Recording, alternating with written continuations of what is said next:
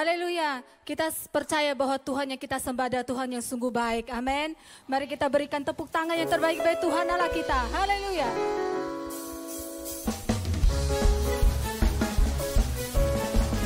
Tuhan Allah kita adalah Tuhan yang sungguh baik.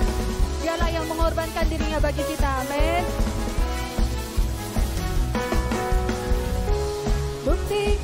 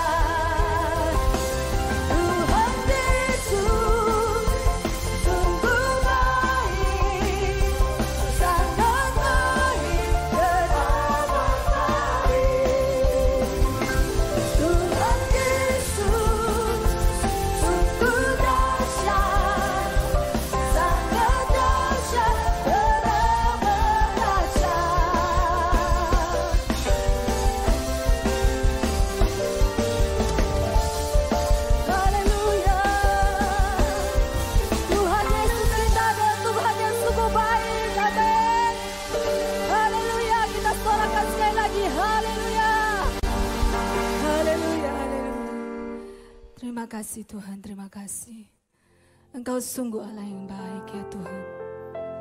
Kami mengucap syukur buat segala kebaikan-Mu bagi kami ya Tuhan. Terima kasih ya Tuhan. Kami tahu ya Tuhan, kasih-Mu mengalir bagi kami ya Tuhan. Kami tahu apa pun yang terjadi dalam hidup kami, Engkau senantiasa selalu menyertai kami ya Tuhan. Engkau senantiasa selalu mengasihi kami ya Tuhan. Terima kasih Tuhan,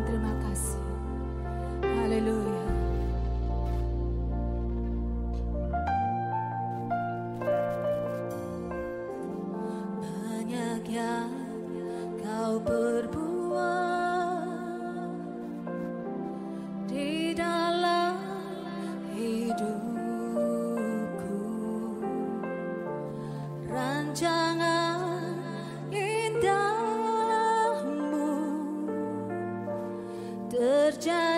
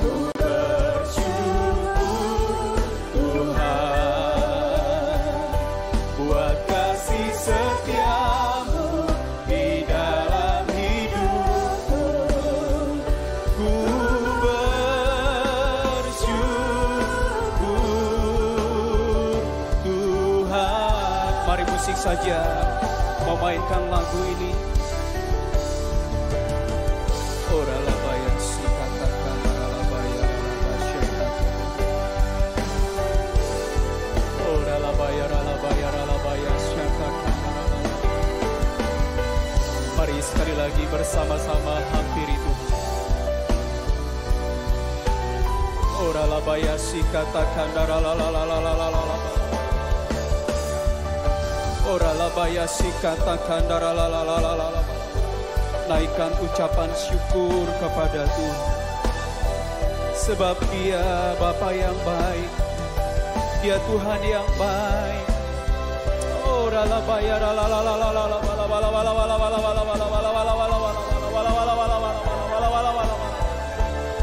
Mari Bapak Ibu Saudara Saat ini.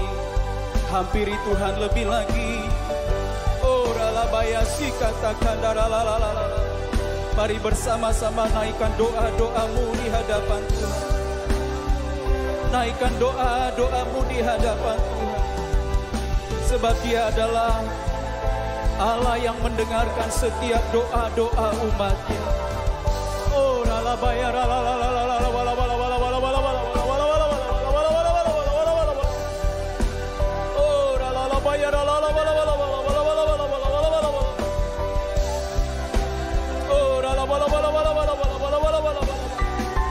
pagi hari ini Tuhan, di dalam ibadah menara doa ini, kami terus membangun tahta yang sebesar-besarnya bagimu ya Tuhan.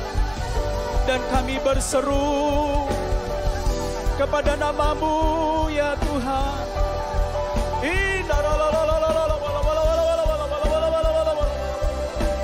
Sebab barang siapa yang berseru, mereka akan diselamatkan.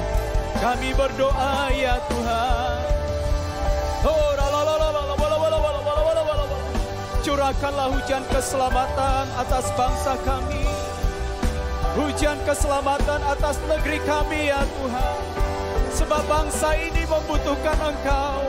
Bangsa kami membutuhkan Tuhan.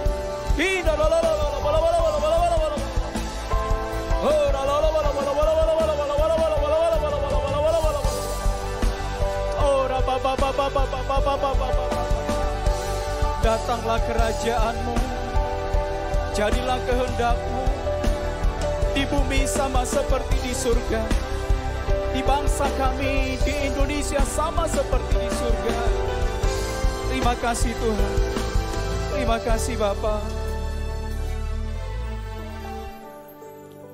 Ora labaya sikata kandara labaya Ora labaya labaya sikata kandara la Tuhan kami berdoa pagi hari ini kiranya Engkau berkenan melawat kami sekali lagi ya Tuhan. Engkau melawat umatmu yang berdoa bersama-sama pada kesempatan pagi hari ini. Terima kasih Bapak, terima kasih. Bahkan kami berdoa sekali lagi Engkau melawat bangsa kami ya Tuhan. Engkau melawat negeri kami Indonesia yang kami kasih.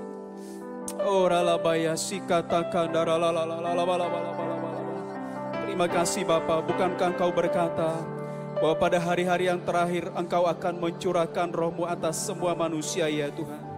Kami berdoa roh kudus melawat negeri kami Indonesia. Roh kudus melawat semua orang yang ada di bangsa ini. Terima kasih Tuhan, terima kasih. Mari pagi hari ini Tuhan, Engkau berkenan menuntun setiap kami. Kau memberkati dengan kebenaran firman-Mu. Bukankah engkau pernah berkata bahwa firmanmu adalah pelita bagi kaki kami dan terang yang sanggup menerangi jalan-jalan kami ya Tuhan. Terima kasih Bapa, terima kasih Tuhan. Ini doa kami. Berfirmanlah ya Tuhan pada pagi hari ini. Di dalam nama Tuhan Yesus Kristus. Dalam nama Tuhan Yesus Kristus. Mari kita yang siap dan mengasihi Tuhan bersama-sama katakan.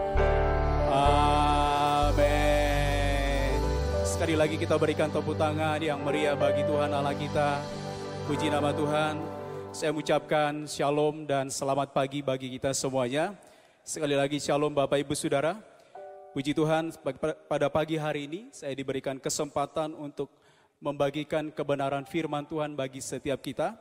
Saya percaya kebenaran yang disampaikan pada pagi hari ini akan memberkati setiap kita, akan memerdekakan setiap kita. Nah langsung saja Bapak Ibu Saudara, pada kesempatan ini saya mengajak kita melihat uh, kitab Hakim-Hakim, ya. Kitab Hakim-Hakim pasal 6 ayat 1 sampai 6. Kita akan membaca ayat ini di dalam kitab Hakim-Hakim pasal 6 ayat 1 sampai 6. Kita baca bersama-sama dua, tiga, ya. Tetapi orang Israel melakukan apa yang jahat di mata Tuhan. Sebab itu Tuhan menyerahkan mereka ke dalam tangan orang Midian tujuh tahun lamanya.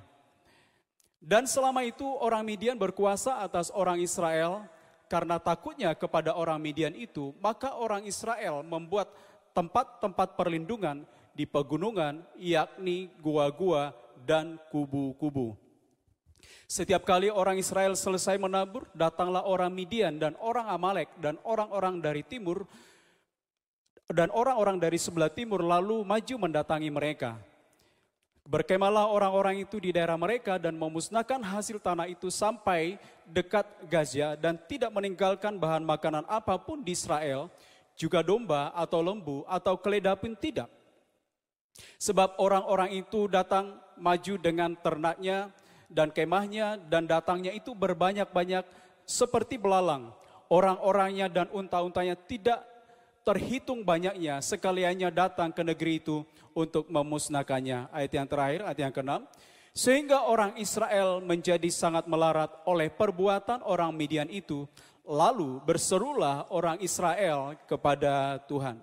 Nah Bapak Ibu Saudara yang dikasih oleh Tuhan pada pagi hari ini, ayat-ayat yang baru saja kita baca bersama-sama ini menceritakan, menjelaskan tentang bagaimana keadaan Israel pada saat itu. Nah saudara yang dikasih oleh Tuhan, suatu kali bangsa ini mengalami penjajahan dan dijajah oleh bangsa yang namanya bangsa Midian. Nah bangsa Midian ini saudara berhasil membuat bangsa Israel takluk di bawah kaki daripada Midian. Nah saudara apa yang terjadi selama tujuh tahun orang Israel berada di dalam uh, kungkungan atau penjajahan daripada bangsa Midian. Dan sebagai akibatnya orang Israel sangat menderita selama tujuh tahun. Mereka takut pada saat itu dan apa yang terjadi karena takutnya melihat uh, orang-orang uh, Midian lalu mereka pergi lari ke pegunungan saudara membuat tempat-tempat perlindungan atau kubu-kubu perlindungan buat mereka karena mereka takut berhadapan dengan orang-orang Midian. Nah Bapak Ibu Saudara, apa yang terjadi selanjutnya orang-orang uh, orang-orang Israel pada saat itu setiap kali mereka menabur dan mereka menunggu hasil yang akan uh, yang mereka tabur saudara. Mereka tidak sempat menikmati hasil taburan mereka. Sebab apa saudara? Bangsa Midian orang-orang Amalek yang dibantu oleh orang-orang dari timur pada saat itu datang untuk memusnahkan seluruh taburan daripada orang-orang Israel. Bukan hanya hasil pertanian yang dimusnahkan saudara, hasil peternakan juga dimusnahkan oleh bangsa Midian. Jadi sumber perekonomian daripada bangsa Israel pada saat itu dihabiskan oleh bangsa Midian, orang Amalek dan orang-orang dari timur. Nah saudara dalam keadaan yang sangat terpuruk uh, seperti ini saudara pada saat itu apa yang terjadi? Dan orang Israel betul-betul melarat keadaan mereka. Nah saudara ternyata orang Israel tidak tahan juga. Mungkin mereka mengingat bagaimana nenek moyang mereka ditolong oleh Tuhan. Dan kali ini saudara, pada waktu kita membaca di dalam Hakim-Hakim pasal 6 ayat 6, sekali lagi saya akan bacakan buat kita semuanya. Sehingga orang Israel menjadi sangat melarat oleh perbuatan orang Midian itu. Lalu berserulah orang Israel kepada kepada Tuhan. Nah apa yang terjadi saudara? Akhirnya orang Israel angkat tangan. Lalu mereka berseru kepada nama Tuhan. Nah saudara, kabar baik bagi setiap kita. Tuhan adalah Tuhan yang hadir di atas seruan umatnya. Dan pada waktu orang Israel berseru kepada Tuhan, Tuhan datang atas orang Israel. Di dalam kisah 2 ayat 21 di sana dikatakan seperti ini. Barang siapa yang berseru kepada nama Tuhan akan diselamatkan. Ini luar biasa saudara. Sekali lagi kuasa, kekuatan daripada uh, seruan. Nah saudara apa yang terjadi? Surga menanggapi seruan daripada orang Israel pada saat itu. Tuhan begitu kasihan melihat umatnya. Karena selama ini, selama tujuh tahun mereka jauh daripada Tuhan. Nah waktu surga menanggapi saudara, apa yang terjadi? Nah ada dua hal yang dilakukan oleh Tuhan pada saat itu. Yang pertama, maka surga atau Tuhan mengirimkan seorang nabi untuk berbicara kepada orang Israel, supaya orang Israel ini saudara berbalik dari cara mereka yang salah, dari sikap mereka yang salah di hadapan Tuhan. Uh, Nabi ini saudara memberitahukan isi hati Tuhan kepada bangsa Israel. Lalu yang kedua, secara pribadi, Tuhan tidak hanya mengutus uh, seorang nabi, Tuhan juga mengutus malaikatnya pada saat itu dan bertemu secara pribadi dengan uh, dengan Gideon saudara. Saudara Tuhan mengutus malaikat ini untuk berbicara kepada Gideon yang pada waktu itu juga masih muda. Nah saudara apa yang terjadi? Lalu terjadilah percakapan antara Gideon dengan malaikat Tuhan pada saat itu. Kalau kita melihat uh, kitab Hakim-Hakim pasal 6 secara keseluruhan, maka kita akan menemukan percakapan antara Gideon dan malaikat Tuhan pada saat itu. Tuhan uh, memiliki rencana keselamatan, ya, rencana pembebasan atas Israel dari tangan Midian. Tetapi kita melihat bersama-sama pada awalnya Gideon uh, uh, tidak bersedia saudara atau dia tawar menawar dengan Tuhan karena dia merasa dia adalah orang yang masih sangat muda atau dia berasal dari suku yang uh, suku yang terkecil pada saat itu yang dianggap sebagai suku terkecil yaitu suku Manasye. Dan oleh sebab itu saudara, singkat ceritanya Gideon oleh uh, dorongan daripada malaikat Tuhan akhirnya Gideon bangkit menjadi orang yang memimpin bangsa Israel untuk membawa Israel keluar dari situasi yang sulit pada saat itu. Nah saudara yang dikasih oleh Tuhan pada kesempatan pagi hari ini saya ingin menyampaikan beberapa hal. Bagaimana Tuhan dengan sabar mengajari Gideon.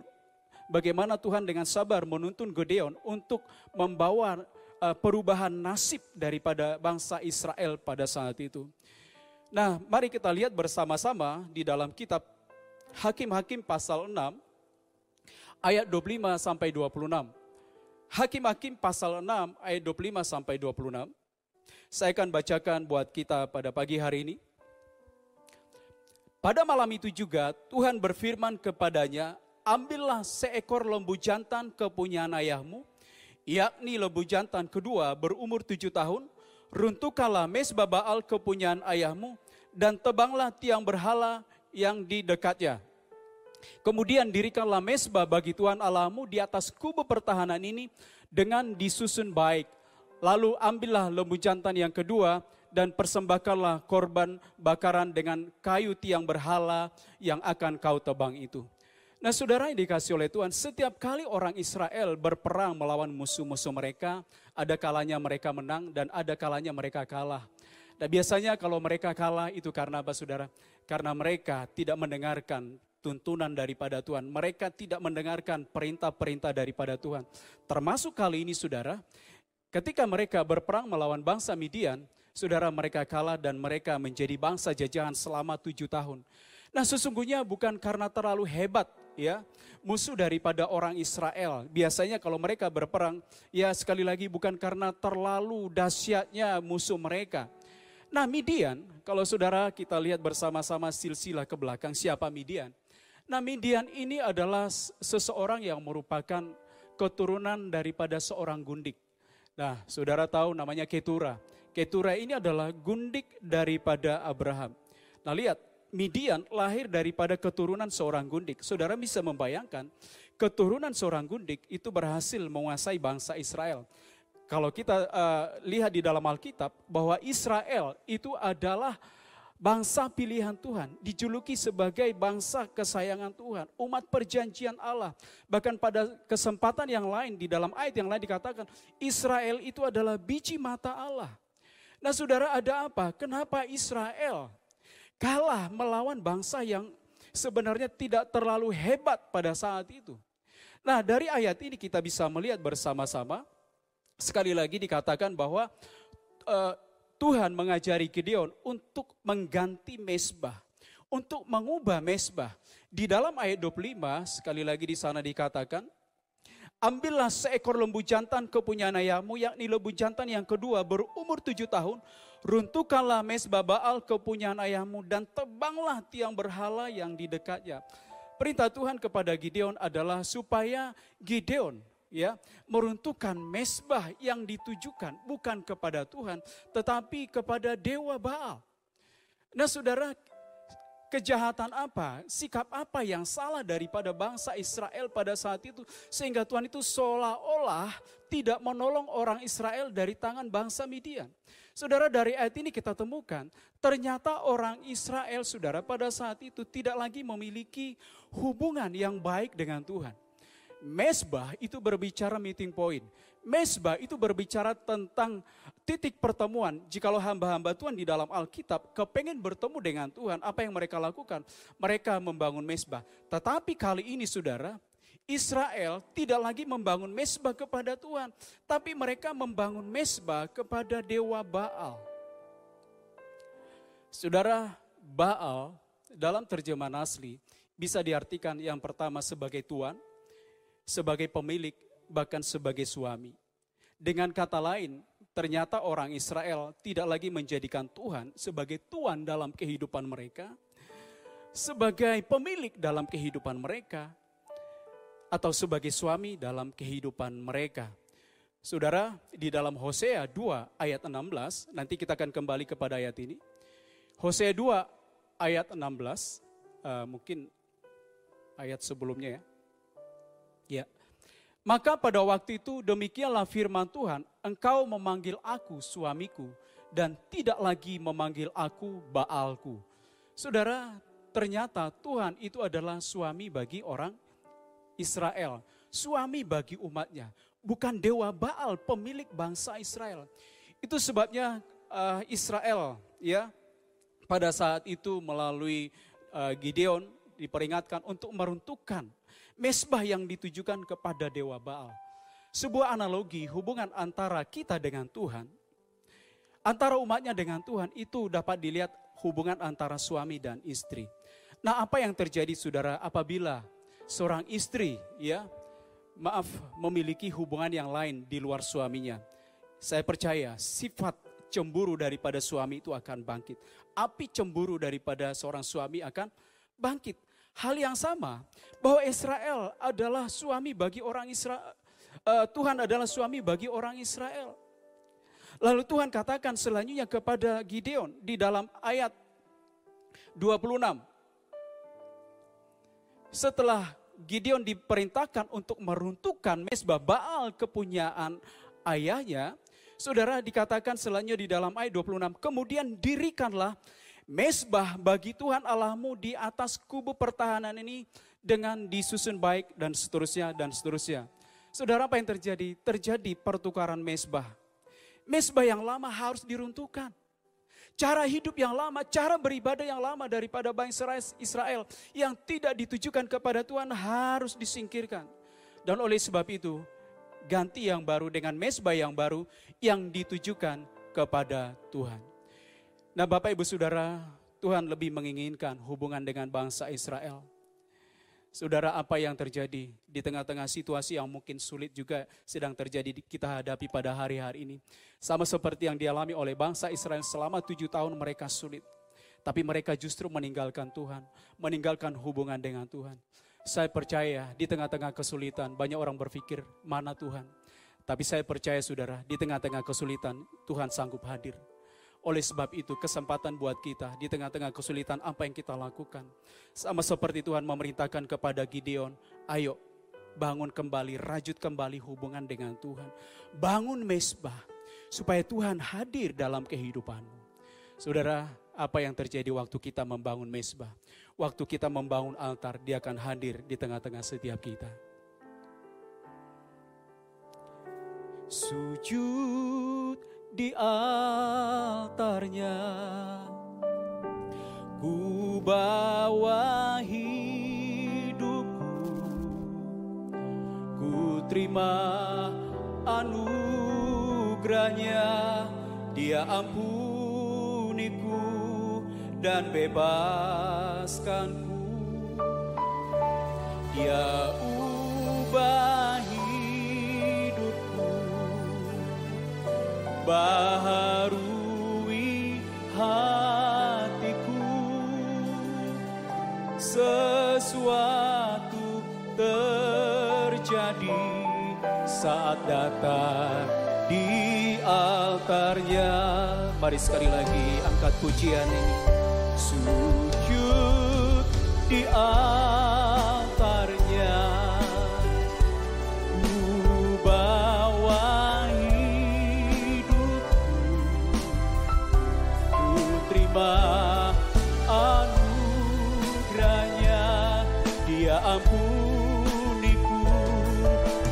dan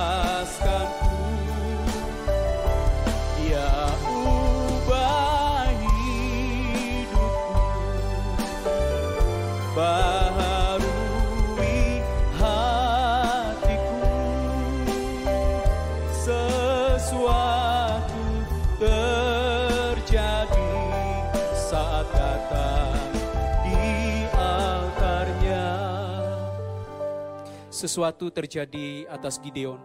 Sesuatu terjadi atas orang Israel ketika Gideon mengubah mesbah mesbah yang lama dengan mesbah yang baru mesbah yang ditujukan kepada Tuhan. Selanjutnya apa yang terjadi saudara? Ketika Gideon membangun mesbah yang ditujukan kepada Tuhan. Mari kita lihat bersama-sama di dalam Hakim-Hakim pasal 6 ayat 34 Hakim-Hakim pasal 6 ayat 34 saya akan baca bagian A saja pada waktu itu roh Tuhan menguasai Gideon. Saudara, sebuah pengalaman yang baru terjadi dengan Gideon pada saat itu. Kenapa saudara? Begitu Gideon membangun hubungan dengan Tuhan, membangun mesbah yang ditujukan kepada Tuhan, di dalam ayat 34, maka surga terbuka, lalu roh kudus, roh Tuhan berkuasa atas kehidupan Gideon. Saudara, kata menguasai diambil dari kata labas dalam bahasa Ibrani saudara. Yang artinya adalah to dress, to clothe, to wear. Nah kira-kira artinya adalah berpakaian. Saudara ini bukan sebuah terjemahan secara lahiriah atau terjemahan bahwa Gideon menggunakan pakaian yang baru, pakaian secara lahiriah. Tetapi yang dimasukkan ini adalah jubah yang diberikan oleh Tuhan.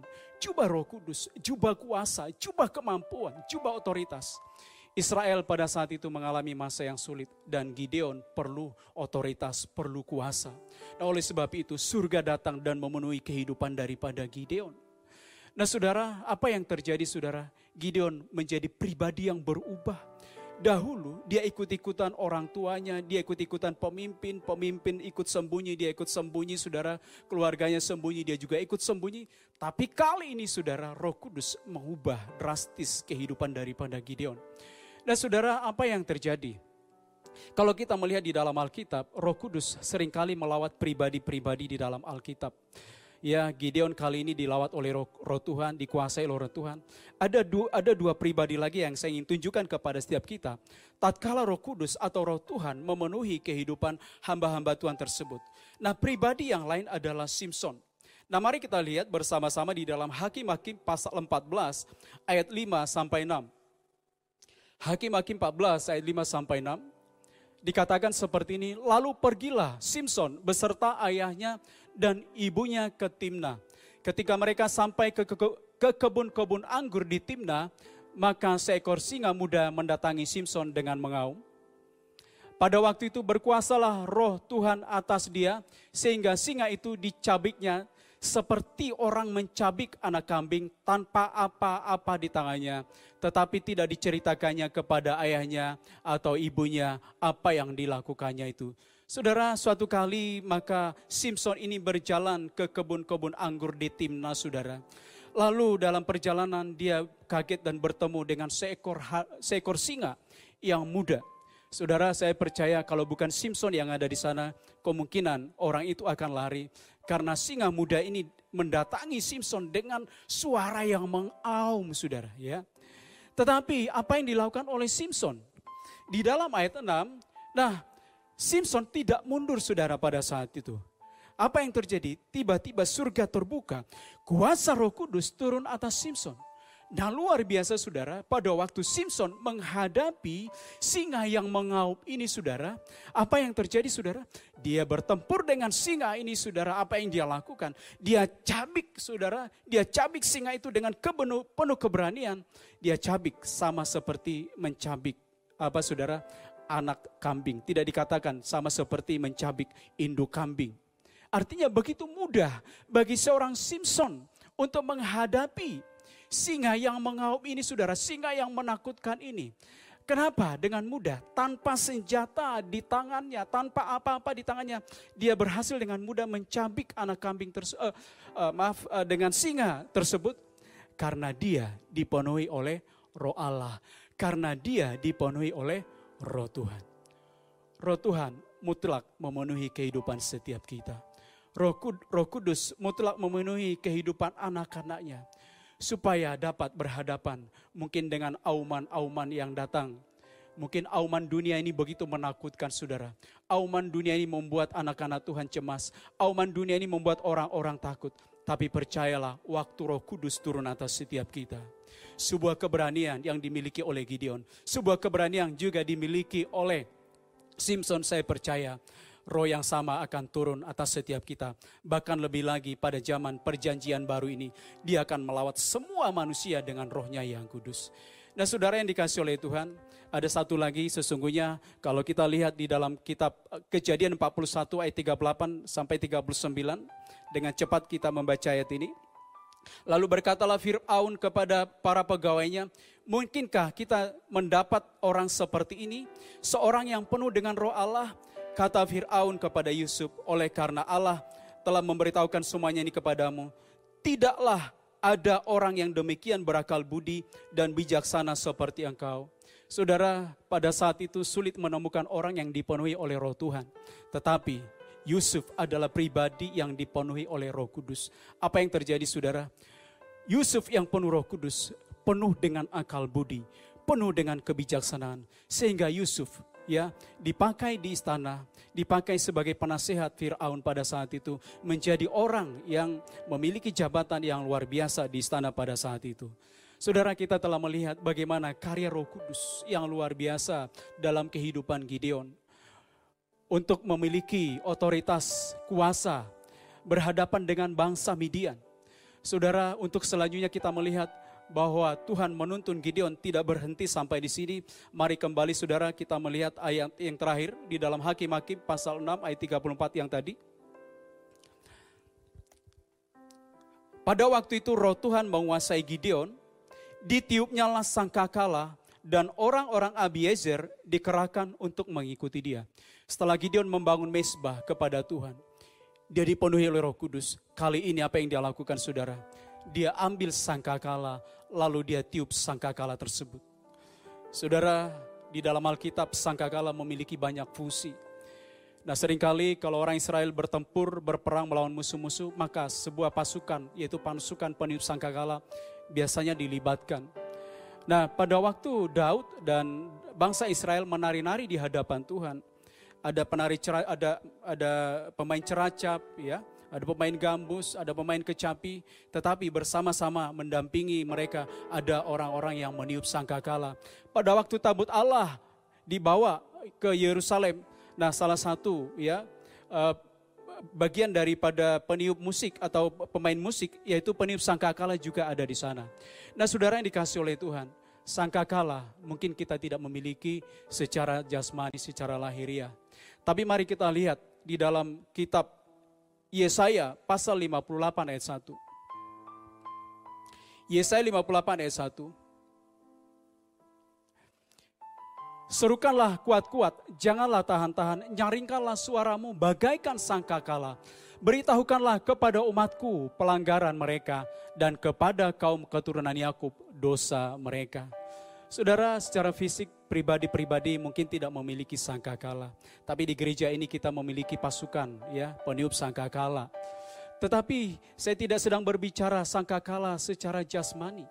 Tapi yang saya maksudkan adalah bahwa di dalam diri setiap kita, Tuhan telah menaruh sangkakala itu. Berupa suara yang harus kita perdengarkan. Pada saat orang Israel mengalami peperangan, sangkakala ditiupkan dan musuh ketakutan oleh karena ada gema daripada sangkakala yang menghasilkan kedahsyatan di antara musuh-musuh mereka. Saudara, sangkakala itu apa saudara bagi setiap kita pada hari-hari ini? Saya percaya ini berbicara suara kita, suara doa, pujian, dan penyembahan. Mari kita lihat Mazmur 149 ayat 6. Mazmur 149 ayat 6. Biarlah pujian pengagungan Allah ada dalam kerongkongan mereka dan pedang bermata dua di tangan mereka. Ayat 7. untuk melakukan pembalasan terhadap bangsa-bangsa, penyiksaan penyiksaan terhadap suku suku bangsa dan seterusnya. Nah, Saudara, bahwa iblis sangat mengerti Saudara, senjata yang dimiliki oleh anak-anak Tuhan. Di dalam Mazmur 149, sekali lagi di dalam ayat 6 dikatakan bahwa kita ini memiliki senjata suara. Yaitu berupa pujian yang ditaruh oleh Allah di dalam kerongkongan setiap kita. Kalau saudara menyaksikan di dalam televisi bagaimana uh, film tentang dokumentasi tentang binatang, binatang-binatang buas dalam rangka melumpuhkan uh, mangsa-mangsa mereka, yang pertama mereka lumpuhkan itu adalah maaf bukan bagian tubuh yang lain, bukan kakinya, bukan ekornya, tapi yang dilumpuhkan adalah lehernya. Sebab apa? Di leher ada bagian daripada pernafasan, ada kerongkongan di sana Saudara, kerongkongan itu adalah senjata, uh, tempat di mana senjata kita itu ada, saudara. Mungkin kita mengalami kesulitan, tapi jangan izinkan musuh membungkam kita. Pakailah senjata kita.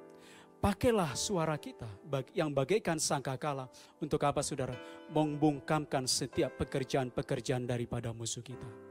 Pada pagi hari ini saudara, saya telah menyampaikan kebenaran firman Tuhan bagi setiap kita. Ada tiga hal, saya ulang sekali lagi apa yang Tuhan ajarkan kepada Gideon.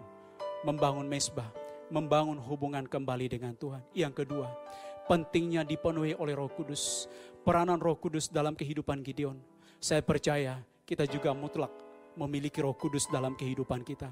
Supaya kita bisa menghadapi setiap situasi yang ada. Kemudian yang terakhir, jangan gantungkan senjatamu. Pakai senjatamu, doa, pujian dan penyembahan yang bagaikan sangkakala yang berbunyi. Itu adalah senjata setiap kita. Bapak Ibu Saudara yang dikasih oleh Tuhan pada pagi hari ini. Kuasa Tuhan ada pada setiap kita. Waktu roh kudus turun atas saya dan saudara.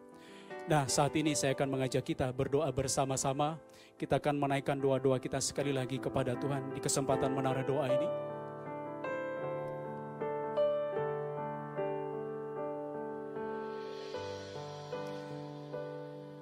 Hanya Tuhan kita yang sanggup menolong bangsa ini. Tuhan satu-satunya penolong yang sanggup memulihkan bangsa kita. Terima kasih Tuhan, terima kasih.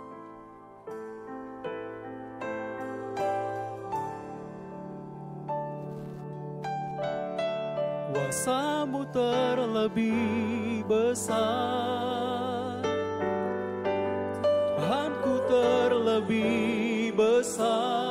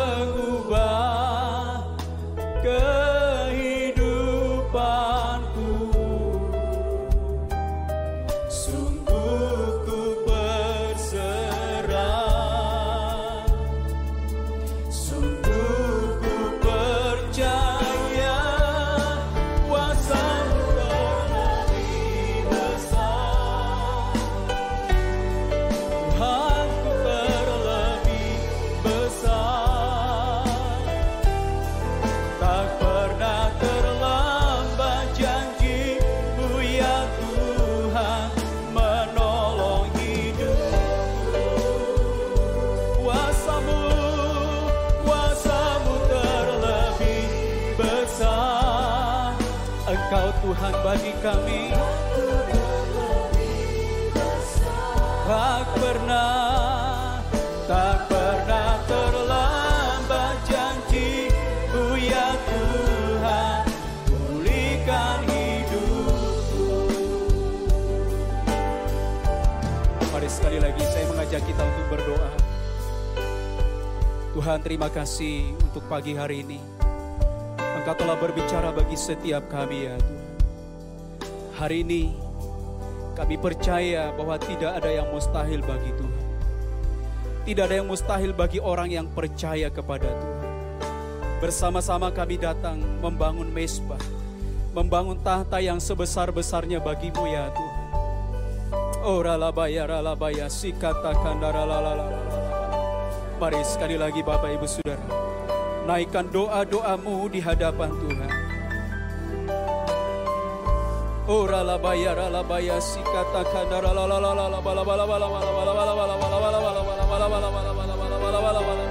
ini waktunya kita banyak berdoa. Berdoa untuk negeri kita. Berdoa untuk Indonesia. Bahkan berdoa buat bangsa-bangsa. Oh, ralabaya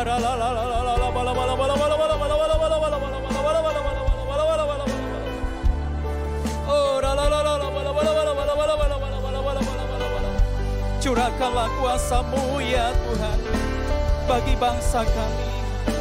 Engkau menolong bangsa kami ya Tuhan. Di dalam situasi yang sulit di hari-hari ini Tuhan. Kami memerlukan pertolonganmu.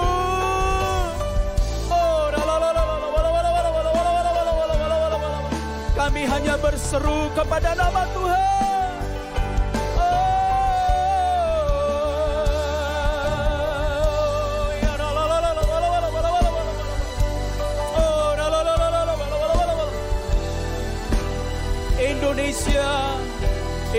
Indonesia ya Tuhan kami taruh di dalam doa kami oh jiwa-jiwa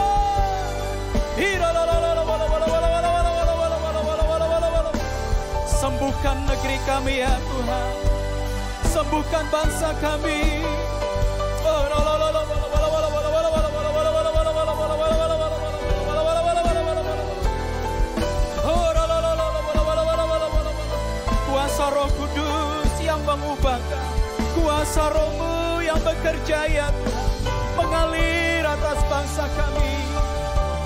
oh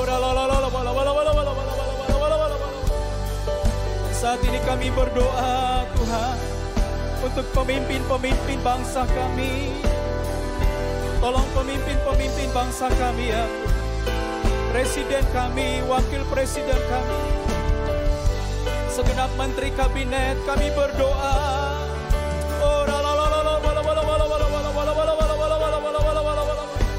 Menolong hamba-hambamu ya Tuhan untuk membawa bangsa ini oh, keluar dari situasi-situasi yang sulit ya Tuhan. Oh, khususnya di masa kami mengalami pandemi 19. Oh, kami berdoa Tuhan Engkau menolong juga tim medis, para dokter, para perawat, yang ada di barisan depan. Oh, lindungi hamba-hambamu ya Tuhan dalam melaksanakan tugasnya. Oh, bahkan kami berdoa untuk TNI dan Polri. Tuhan berkati di dalam nama Yesus.